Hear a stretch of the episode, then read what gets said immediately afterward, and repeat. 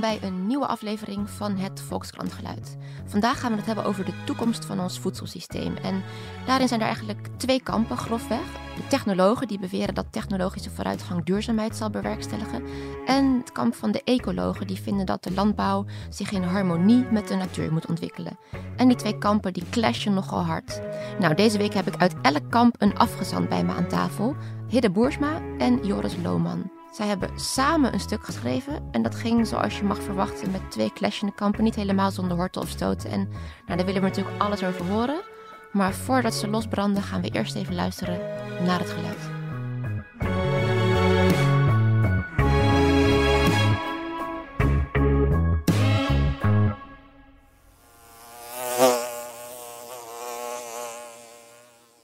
Wat was dit? Dit was geluid van een bij. Maar waarom? Omdat uh, een van de problemen die er op dit moment spelen rondom uh, onze voedselvoorziening is dat uh, de biodiversiteit naar achter gaat, naar beneden gaat. En dat er minder bijen zijn, is een van de gevolgen daarvan. Dus als we dit nog willen horen, dan moeten we op een andere manier gaan eten en op een andere manier ons eten gaan maken. Ja, dat vinden jullie allebei, maar daar houdt het dan ook gelijk op met wat jullie allebei vinden volgens mij? Klopt wel een beetje. Ja, het is nog wel aardig. Die bij is ook een beetje een symbool geworden voor, voor deze discussie inderdaad. Weet je, dat, dat, mensen praten over de bij, maar het gaat over een veel groter iets dan die bij alleen. Maar het gaat over het hele voedselsysteem en de hele indeling van Nederland. En zelfs soms bijna over uh, de hele politieke indeling van, van de wereld. Ja. Is gewoon is, is, is, is symptoom geworden voor, voor een groot debat wat eigenlijk een beetje... Uh, uit de hand is gaan lopen. Arm ding. Arm bij, inderdaad. Ja. Die bij was al zielig inderdaad, want er waren er al veel minder van. Gaat hij ook nog dood? Ja. jullie hebben dus samen een stuk geschreven over de toekomst van de landbouw. En jullie verschillen nogal radicaal van mening daarover.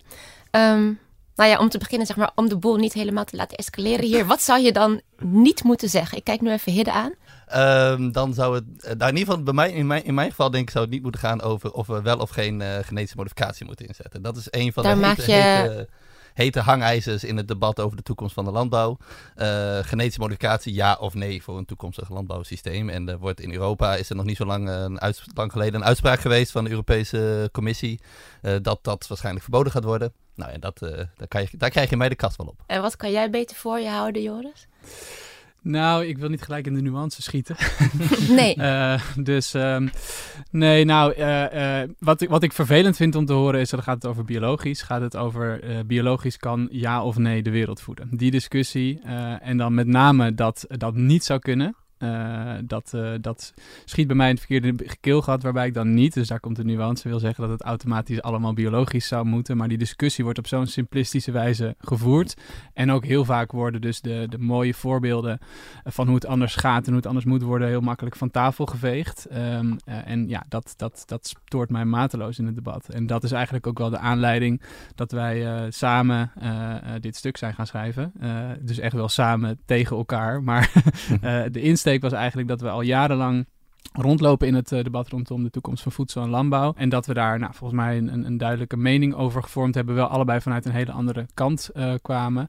Uh, maar merken dat omdat er een soort van twee kampen zijn ontstaan in de afgelopen jaren. die ja, op eigenlijk vrij simplistische argumenten hebben. Misschien de twee basis al genoemd, inderdaad. Van GMO ja of nee, biologisch kan wel of niet de wereld voeden. continu ja, met elkaar in, in, in, in, een strijd terechtkomen die gewoon eigenlijk al jarenlang volgens mij geen steek verder komt.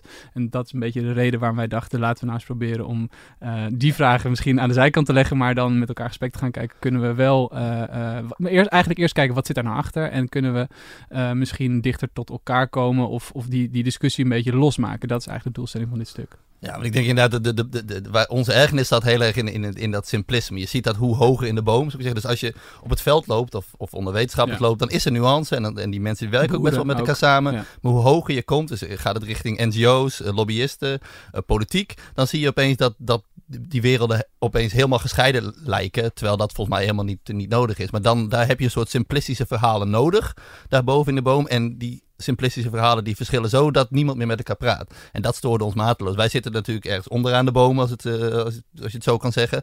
En wij kwamen wel met elkaar in gesprek. En ook wel met, met, met, met tegenstanders. Denk ik, die, dat simplisme hoger in de boom, dat, dat, ja. ja. dat, maakt, dat maakt vooruitgang in, het, in, het, in de transitie heel moeilijk. ja. ja. Maar die totstandkoming ging niet helemaal vlekkeloos, uh, begreep ik. Uh, jullie schrijven zelfs dat het artikel misschien zelfs polarisatie uh, aanwakkert. Ja. Ja, ik ben ook best, nou, ik ben er niet echt bang voor, maar ik ben wel, ik vraag me wel af wat de reacties gaan zijn. Hebben we heel erg gemerkt vanuit beide kampen, kanten. Uh, je spreekt natuurlijk met veel mensen die min of meer ja, op dezelfde manier naar de wereld kijken. En dat ik een stuk ga schrijven samen met uh, de heer Boersma, dat is me al door een aantal mensen die we hebben. Ja, wat kun je dat even uitleggen? Wat is er zo erg aan de heer Boersma? Waarom nou haten mensen hem zo? Nou, kijk, het is ook wel zo dus, dat, dat, dat Hidde, uh, met name op Twitter, ehm, vaak wel de discussie aanzwengelt en ook probeert te prikken op plekken. En, en wat mij betreft, dat vind ik heel erg interessant. Dat is eigenlijk ook de reden waarom ik het interessant vond om met hem in dit maar te gaan doen. Maar noem eens een voorbeeld. Wat, ik bedoel, nou, ja, wel meer mensen Dus bij wijze van spreken de mensen die stellen, hè, biologisch zou de wereld kunnen voeden, om daar allerlei, uh, vaak feitelijke of grafiekjes of onderzoeken tegenover te stellen. Die zeggen, kijk, jij zegt dat dat zo is, maar dat is niet zo. En, um, en dat, dat, dat ergert mensen natuurlijk, met name omdat zij een bepaald soort wereldbeeld hebben. En als je daar, een, uh, of het nou waar is of niet, kijk, een, een feitendiscussie, daar komen we misschien zo meteen op. Maar als je een, een heel sterk wereldbeeld hebt, ergens in gelooft, en iemand komt met een, ja, ja. Het volledig tegenstellen, dat, dat, ja. dat ergert mensen gewoon. Jullie werden zelfs geweigerd, las ik. Nou ja, dat, om foto's te maken, was, hè, we hebben verschillende mensen gesproken. Er zijn een aantal mensen, heb ik, nou goed, ik ben niet journalist, Hidde wel, maar uh, uh, ik heb nog nooit meegemaakt dat je ergens aan meewerkt, dat je dan vraagt van, goh, wil je hier een quote geven? Wil je, en dat mensen dan zeggen, is het met die en die? Nee, daar doe ik niet aan mee. En de foto's maken was echt een, een ramp. En dat was gewoon echt allemaal En dat is jouw schuld, ik Ja, dat, ik verbaas me daar ook over. Want ik, nou, ik, ik, ik, zat ook wat, ik heb ook wel een beetje, soms een beetje een, een gekke positie in het debat, is dat ik niet helemaal in het hokje pas. Want ik ben, ik ben links. En ik beweeg mij ook in, zou ik zeggen, in de stadsomgeving waar de meeste mensen de ecologische kant aan. En dan mag je niet vinden wat jij vindt. Nou, dat, dat, dat, dat, dat, valt wel op in ieder geval. Ja. Dus om, om me heen zijn heel veel mensen die, uh, die, die, die, natuurlijk Greenpeace steunen, GroenLinks stemmen. En ik zit ook wel een beetje in die richting. En dan prik ik toch op sommige dingen waar mijn standpunt dan daar niet mee klopt. En dat maakt dat, dat, dat, dat wringt op een of andere manier.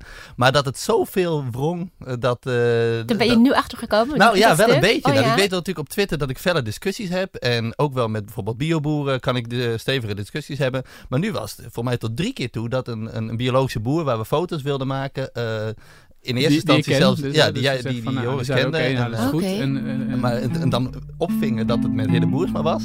En dat ze dan niet meer wilden. Vind je dat pijnlijk?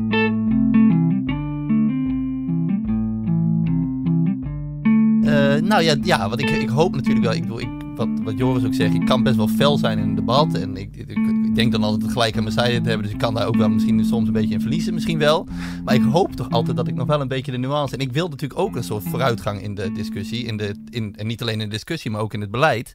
En dat dan dat ik zo nou ja, zoveel weerstand oproep, dat was toch wel een beetje pijnlijk om te horen. En dan denk ik ook wel bij mezelf, moet ik daar misschien toch wel, nou, moet ik dan toch misschien nog wat zachter het oh, debat ja? Nou ja, ik, ik, kijk, ik ben er wel achter, uh, dat is natuurlijk ook de aanleiding van dit stuk, dat een polarisatie werkt niet. Wij schrijven in ons stuk bijvoorbeeld dat het Europese landbouwbeleid, uh, dat moet op de schop. En eigenlijk zijn, is bijna iedereen het daarmee eens.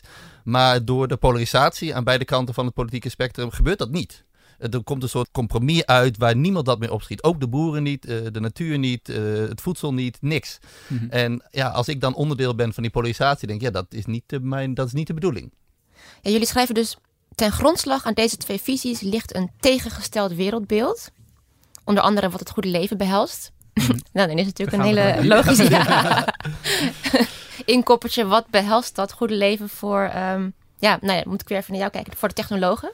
Ja, kijk, wij zeggen, als, je, als het gaat over voedselproductie, zijn wij heel blij met het uh, idee dat niet iedereen zijn eigen voedsel meer hoeft te produceren. Als je, als je 100 jaar terugkeek, dan werkt, of 150 jaar terug, dan werkte in Nederland nog 50% van de mensen in de landbouw. Iedereen maakte bijna zijn eigen voedsel en dat wat betreft de technologen uh, beperkt dat heel erg de vrijheid. Want uh, vaak waren de opbrengsten heel laag. Dus je had heel weinig surplus. Dus je kon heel weinig, had een heel laag inkomen. Dus je had geen handen vrij, geen gedachten vrij, geen brein vrij om andere dingen te doen. En naarmate de wereldtechnologische werd en dus ook de landbouwtechnologische werd, kwamen de handen vrij. Dus steeds minder uh, mensen hoefden het voedsel te maken. Wat uiteindelijk zorgde voor de trek naar de stad. En waardoor wij nu zo kunnen leven als wij nu leven. Dus voor ons is heel erg het dus leven. Dus dit is eigenlijk het goede leven. Dit is het goede leven. Ik denk ook wel dat een van de grote eh, punten waarom heel veel mensen, waarvoor waar biologische boeren problemen met ons hebben, is dat zij toch een beetje de underdog zijn. Ik denk dat de afgelopen honderd jaar de technologische richting wel de winnaar is. In ieder geval de, de upper, de, de upper dog. Ja. Hoe je dat nee. En, en dat, dat maakt ook dat, dat, dat, dat, maakt natuurlijk dat maakt mijn positie makkelijker. Ik kan zeggen, ja, ik heb een beetje gewonnen. En dan, dan word je ja, niet, ik zie ook Joris gelijk zijn armen over elkaar vouwen. nou ja, dat, en, en, dus, en, en en dat is het, goede leven, leiden wij nu al een beetje. Dus wij, wij, zeggen ook bijvoorbeeld, als het gaat over Afrika, als het gaat over landbouwontwikkeling in Afrika, moeten die een beetje Europa volgen. Dus uh, technologische landbouw, er moet kunstmest naartoe, er moeten bestrijdingsmiddelen naartoe, er moet genetisch gemodificeerde zaden naartoe, zodat zij ook de trek naar de stad kunnen en daar uh, een, een moderne samenleving kunnen opbouwen. En deel jij dat wereldbeeld, Joris? Nou, om eerst even zeg maar in mijn, in mijn hok te gaan zitten. Want uh, uiteindelijk hebben we dit ook geschreven om juist over die hokken heen uh, te komen. Maar ik, de, het, het, het, het, het andere uh, kamp, het andere paradigma, het andere grote verhaal gaat er eigenlijk over dat, dat de, die, die voorspoed en die technologische ontwikkeling die we hebben gekregen. Wat mensen die er iets verder over nadenken, denken van nou, was wel mooi, maar dat is echt volledig doorgeschoten de verkeerde kant op. En we zitten nu met een probleem met draagkracht van de planeet eigenlijk. Dat is een beetje de, de, de, het verschil tussen de twee werelden, waarbij de, de mensen in mijn kamp denken dat die draagkracht eindig is. Uh, en dat dus technologie of innovatie, uh, dat dat niet de problemen gaat oplossen die we nu hebben.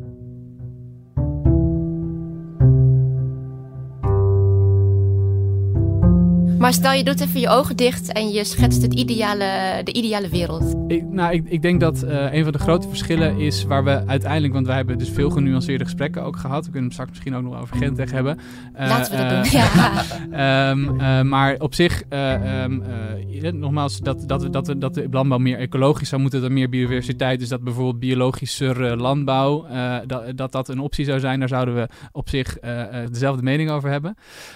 maar met name gaat het over hoe richt je het land in? En daar krijg je een andere discussie die altijd een soort van stevige lijn biedt tussen de twee perspectieven is, uh, ik zou graag willen dat dat natuur inclusief is. Dus dat je zeg maar landbouw vermeeft met andere functies. En de ecomodernisten zeggen nee, je moet dat juist zoveel mogelijk scheiden. Dus je moet zo intensief mogelijk maken, waardoor je dan weer ruimte houdt voor natuur. Nou, en daar kom je, als je bijvoorbeeld naar Nederland kijkt, naar discussie, dan kom je wel echt tot een soort van, nou, ik kan heel erg met je meepraten, leuk. Maar ja, als ik nou zou moeten zeggen, morgen richt ik het zo en zo in, dan zou ik niet zeggen, we, we, we geven een stuk van, de, van, de, van het land terug aan de natuur. En we gaan ergens nog intensief uh, landbouw. Uh, maar, want ik denk dat dat niet de richting is om, uh, om, om verder te gaan. Dus daar kom je wel echt op een soort van, god leuk, ik ben met sommige basisprincipes wel eens. Maar dit is gewoon echt een heel ander wereldbeeld. Dus het verweven van natuur en, en landbouw of het totaal scheiden van elkaar.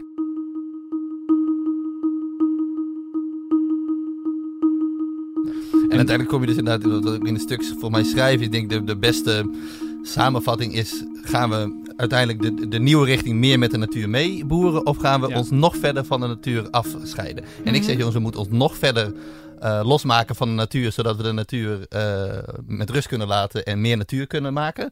En uh, Joris zegt, uh, we moeten inderdaad meer met de natuur uh, meeboeren, want dat levert een betere biodiversiteit. Maar dat zit, daar zit heel erg de basis van ja. Nou ja, de, de, de, de, de tegenstelling in, denk ik. Ja, daar kom je echt moeilijk uit als, je, echt naar, als je ook naar beleid zou gaan zeggen. Van, want dan gaat het echt over, oké, okay, leuk. Nou, in, in, principe, in theorie leuk, maar hoe gaat dat dan uitzien? Nou ja, dan, dan, dan kom je gewoon echt niet verder. En dat hebben wij dus ook gemerkt. Hè, dus dus, dus het proberen van het overbruggen van die tegenstellingen en de makkelijke debatten die soms in de Kamer worden gevoerd of op televisie, waarbij ook heel erg het beeld wordt geschetst van of ofwel de toekomst van landbouw is biologisch kleinschalig.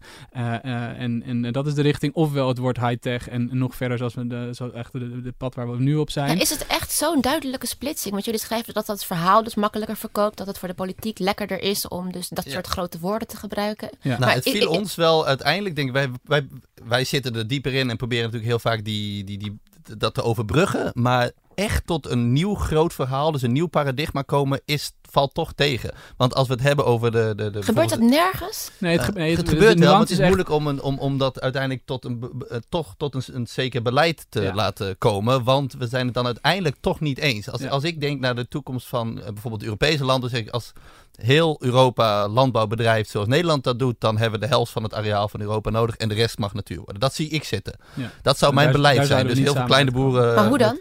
Nou, bijvoorbeeld, kijk, uh, heel veel boeren in Europa zijn boven de 55. Ik denk dat er wel de helft van de boeren zijn 55 plus. Heel veel boeren hebben geen uh, uh, opvolger.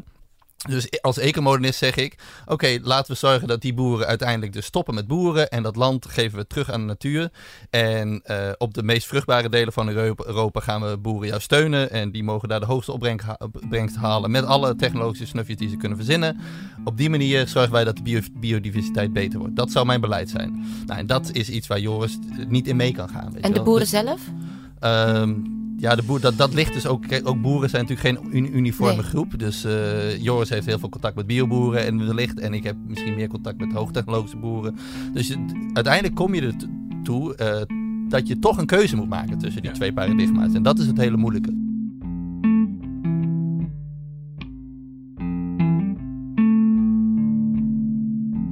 Ding is wel zo dat die beide uh, zeg maar, ontwikkelingen eigenlijk allebei nog redelijk niche zijn. Want de echte high-tech die kan niet, want die wordt vaak tegengehouden door um, regelgeving.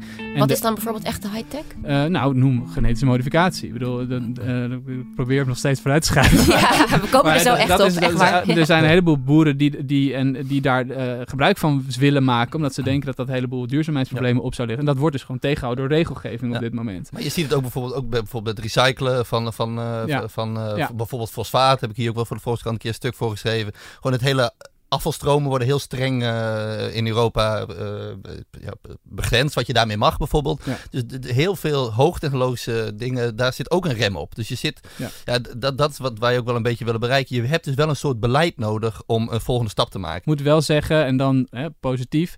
Uh, ik denk niet dat die twee wereldbeelden echt bij elkaar aan het komen zijn. Want als puntje bij paaltje komt, zit er dus echt een heel ander wereldbeeld bij. Ik zie nu wel in die discussie over circulaire economie, wat dan wel nou, ook nog wel vrij breed en abstract is, dat er uh, in ieder geval bij Wageningen, ook bij de Eres Hogeschool, bij, zeg maar, dat er echt wel een, een, een, een koerswijziging is. Dat we het nu hebben over moeten richting de circulaire economie.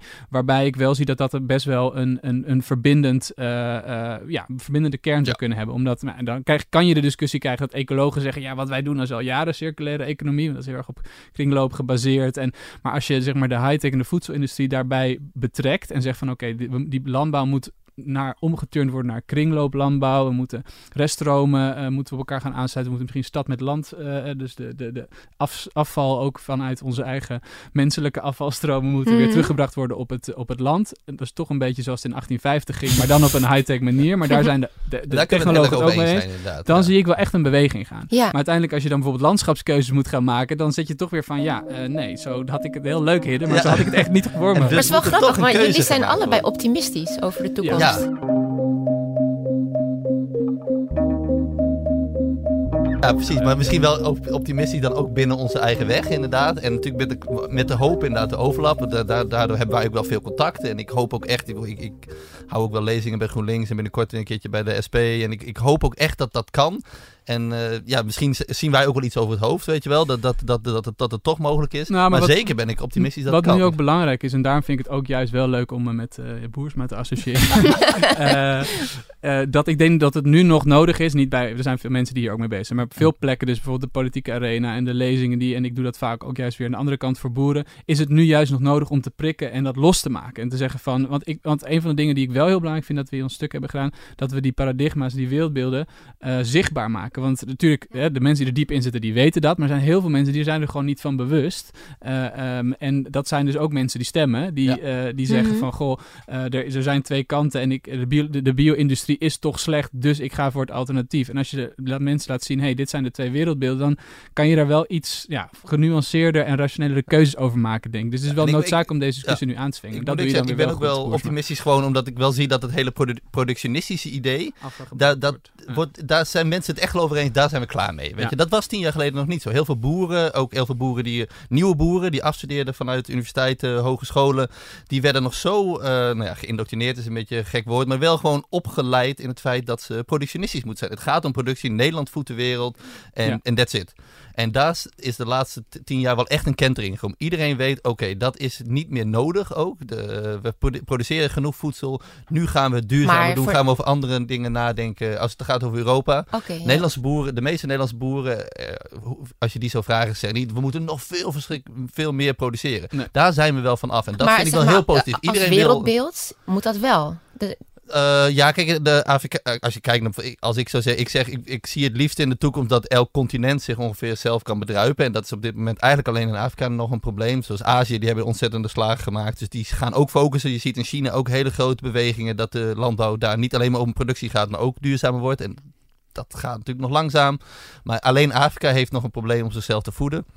Maar daar komen denk ik ook wel in. Daar kom je ook wel die, die wereldbeelden ja. clash, kom je daar nog wel harder tegen. Ja. Als ecomodernist en als, nou ja, als technoloog zeg ik van jongens, willen we, willen we Afrika zichzelf laten voeden en willen we ook nog de olifanten en de giraffen een leven laten hebben, dan moeten we daar, moet daar nu kunstmest heen. Nou, dat, zal, dat, zullen, dat zal Greenpeace mij mee om de oren slaan. Die vindt, die vindt, die vindt we moeten daar focussen op, we moeten daar nu gewoon gelijk beginnen met agro-ecologie. Dat is de oplossing. Maar als je kijkt naar de Europese situatie, of in ieder geval de Nederlandse situatie, ben ik heel optimistisch te zien dat bijna iedereen het over eens is dat we nu gaan focussen op duurzaamheid en gezondheid en biodiversiteit. En hoe dat dan is, zijn we het misschien nog niet over eens. Maar het einddoel is wel dat is hetzelfde. maar kan het? Want de cijfers zijn er moet 70% meer geproduceerd worden in 2050 om iedereen te kunnen voeden. Wereldwijd, ja, klopt. Nou, ik geloof dat als je, ja, als je kijkt naar wat ik, ik geloof dat dat kan zonder dat we meer uh, grond nodig hebben. Ja? Ja, dus uh, er is zoiets als wat een yield gap heet. Dus dat is het, het gat tussen uh, wat er wordt geproduceerd en wat er kan worden geproduceerd met, op, op, een, op, op een hectare. En dat gat is ontzettend groot. In Nederland zit heel erg aan de top. Nederland en België zijn denk ik de, de, de beste producenten ter wereld als het gaat om, om, om, om opbrengst. Maar heel veel Afrikaanse boeren, maar zelfs Roemeense boeren, die halen maar een vijfde van de maximale opbrengst. Nou, als je dat al verdubbeld. Je hoeft niet, niet iedereen hoeft naar een Nederlandse uh, opbrengst toe, want dat heeft ook wel nadelen. Weet je. Daar heb je veel last van, uh, van spillover effect. Maar stel dat je de, overal de opbrengst verdubbelt, en uh, in Afrika misschien zelfs verdriedubbelt, want daar, daar is de opbrengst nog lager, dan zit je al wel op die, kan je die 70% halen. Uh, zonder extra land. En daar hebben we de middelen ook al wel voor. Dat want klinkt eigenlijk om... hartstikke simpel. Waar doen we dat zo moeilijk over? Nou ja, het, het moeilijke in, in, in heel veel Afrikaanse landen is natuurlijk dat uh, als je kijk naar een hoogtechnologische land, heeft bijvoorbeeld startinvesteringen nodig. Dat is moeilijk. Uh, je hebt infrastructuur nodig. Je moet die kunstmest moet je daar krijgen. Uh, als je uh, als, je, als je iets produceert, als de boeren iets produceren, moet het daar ook weer weg kunnen. Dus er moeten markten zijn. En dat is allemaal heel moeilijk te creëren. Dus dat is, het is zeker niet makkelijk. maar ik geloof vanuit een. Als je alleen naar de boeren kijkt, dus dan hebben we daar de technologie voor.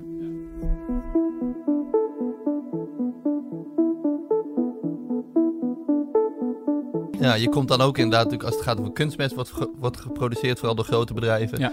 Uh, genetisch eh, gemodificeerde zaden worden uh, vooral geproduceerd door grote bedrijven. Dus wat je krijgt is een, nou ja, toch een soort kapitalistisch systeem wat je wellicht oplegt. En wat er ook gebeurt is dat, je, dat je waarschijnlijk heel veel kleine boeren ja. naar out of work maakt. Weet je? Dus de, de, je komt ook als het gaat over de discussie van van, van Afrika kom je ook op inderdaad, wat is nou het ideale leven? Wil je inderdaad allemaal je eigen voedsel, of in ieder geval meer je eigen voedsel produceren, meer dus ook, dat, dat gaat ook om autonomie, weet je wel, heel veel, en, en dat vind ik best wel een sterk punt natuurlijk, inderdaad, wil je de voedselvoorziening en dus je eigen autonomie houden over je voedsel, wil je de controle houden over je eigen voedsel, of gaan we nu vanaf, vanuit Europa, dat zijn van Euro Europese of Amerikaanse bedrijven, daar de voedselvoorziening een beetje regelen. Ik, ik snap ook wel die weerstand daartegen. we moeten ook niet vergeten dat dat dus in Europa gebeurd is, hè? want we zitten nu in een situatie, maar de, die, die, die boeren die jij uh, noemde van een aantal jaar geleden.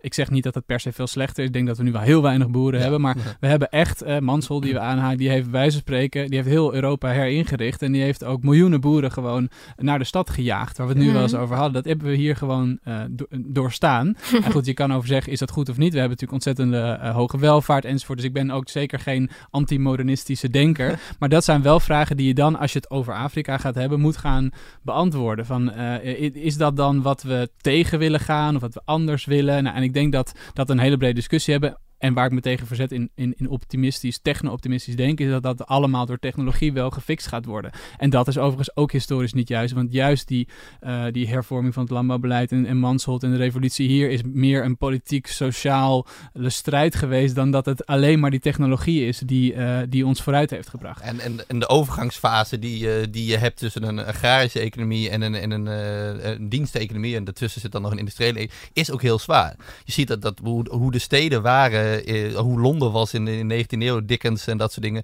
Ja, dat wil je eigenlijk niet, weet je wel. En dat, het is een transitie geweest naar iets waarvan ik nu denk, het is een goede transitie geweest, maar die overgangsfase is ontzettend zwaar. En dat zie maar je zijn er dan plekken waar het nu gaat zoals het moet? Sorry? Zijn er plekken waar het nu gaat zoals het moet? Diep zucht. Ja, dat is heel moeilijk. Nou, waar de, nou ja, ik, ik ben natuurlijk... Uh, als ik kijk naar de vooruitgang die we hebben gezien in bijvoorbeeld Vietnam, om, om een voorbeeld te noemen. Toen ik geboren was, werd in 1980 was 50% van de mensen daar uh, arm. Uh, extreem arm. Die le leefden van minder dan anderhalve dollar uh, per dag. Nou, dat is op dit moment 5%. Dus dat is wel een transitie die, waar ik heel erg... Dat, dat sterkt mij in het gedachte dat de modernisering, dus die, die, die, dat verlichtingsgedachtegoed, een nastrevenwaardig ideaal is. Neemt niet weg dat tegelijkertijd die transitie voor heel veel uh, milieuproblemen daar heeft gezorgd. Mhm. Want inderdaad, de kunstmest werd daar echt niet goed, uh, niet goed uh, toegediend, waardoor de waterwegen daar behoorlijk vervuild zijn. Maar toch denk ik uiteindelijk dat het een goede ontwikkeling is. Jij zegt ook dat van heb je een land wat, wat, wat, wat een goed voorbeeld is. Het is natuurlijk we staan eigenlijk aan, aan de vooravond van die keuze tussen die twee wegen. Dus die, die, wordt, die, bestaat eigenlijk nog niet. Overal ter wereld is die productionistische uh, weg ingezet, uh, gestart. Uh, onder, onder leiding van, van Norman Borlaug. Inderdaad, de groene revolutie is eigenlijk wereldwijd uitgerold. alleen Afrika heeft er niet zoveel van meegepakt. Tussen veel Afrikaanse landen. En nu staan we aan de vooravond van een soort nieuw beleid waar we eigenlijk beide kanten natuurlijk niet weten. Je, je maar weet wel vertrouwen erin hebben. we hebben er vertrouwen in, maar je weet nooit. Je, je, kan tot altijd... slot, zijn jullie pissiger op elkaar of juist minder boos? Of ik heb de indruk dat jullie eigenlijk wel goed met elkaar uh, door één deur kunnen. Nou ja, bij mij was het de grootste schok dat ik inderdaad veel, veel meer weerstand bij die ecologen had dan ik dacht. Niet, bij, niet bij Joris. Want wij hebben, ja, we hebben al zoveel discussies erover. En ja, kijk, als het gaat over bijvoorbeeld natuurlijke bestrijders en dat soort dingen, dan zijn we het heel erg eens. Dus voor een deel ben ik ook meer ik, ik, ik. Jullie zijn wel een beetje naar elkaar toe gegroeid. Ja, klopt. En dat, heb, en dat is ook de reden waarom we natuurlijk een stuk hebben geschreven. Als je, als je, ik dus ben, door ik ben dit stuk te schrijven? Nou, dat had ik daarvoor wel. Ik ben, ik ben wel een erg uh, ecologisch ingestelde ecomodernist. en Moeilijk. Joris een ecomodernist ingestelde ecoloog, denk ik. en dan moet je eruit knippen. Ja. maar en daardoor, voelen wij, daardoor wilden wij dit graag ook schrijven, inderdaad. Ik ben geen, misschien dan, dan toch geen hardcore ecomodernist. En ik geloof, ja, nu ook geloof ik nog steeds dat, dat, dat, dat er wel een, een, samenwerking mogelijk is. Dat, dat, dat komt wel door het artikel, denk ik. Eigenlijk wat ik het meest uit voor opgehaald heb, dat ik al best wel dacht van, nou, ik zit er heel erg tussenin. Ik ben heel erg genuanceerd, ik kan allebei de kanten. Maar toch kom ik dan in discussie met Hidde toch een aantal dingen van, ja, oké, maar leuk, een nieuw groot verhaal, we gooien het bij elkaar. Dat klinkt heel leuk, maar dat gaat toch niet worden. Er zit echt zo'n fundamenteel verschil in uh, nou, het wereldbeeld. Je moet kiezen. Je, moet, toch kiezen. dat is dan toch bij het einde van dus het Dus eigenlijk is het mislukt. Uh, nee, maar... het open einde inderdaad. Heel veel dingen zijn we het eens. We willen best wel Gente gebruiken. We willen best wel natuurlijk bestrijding gebruiken. Maar uiteindelijk komt het, komen we toch niet helemaal bij elkaar. Ah. En dat is moeilijk. En, dat, en dat maakt... Nou, dat is natuurlijk... Het is ook wel volgens mij mooi dat we dat naar voren brengen. Want uiteindelijk betekent toch dat we moeten kiezen. Maar hoe we dat gaan doen in zo'n politiek ook gepolariseerd landschap. En uh, ook zelfs in Nederland op dit onderwerp. Is dat zeker niet makkelijk. Nou, wordt vervolgd dus. Ja, zeker. Dank jullie wel. Dank je wel. Dankjewel voor het luisteren naar deze aflevering van het Volkskrantgeluid. Ik vond het zelf heel leuk om eh, te zien dat twee mensen die totaal oneens zijn, toch allebei optimistisch zijn. En het ook eens zijn over dat ze het eigenlijk nog helemaal niet weten. En dat het frustrerend is. Maar goed, ik ben super benieuwd hoe dat verder gaat. In ieder geval, volgende week zijn we er weer met een compleet ander onderwerp. Tot dan!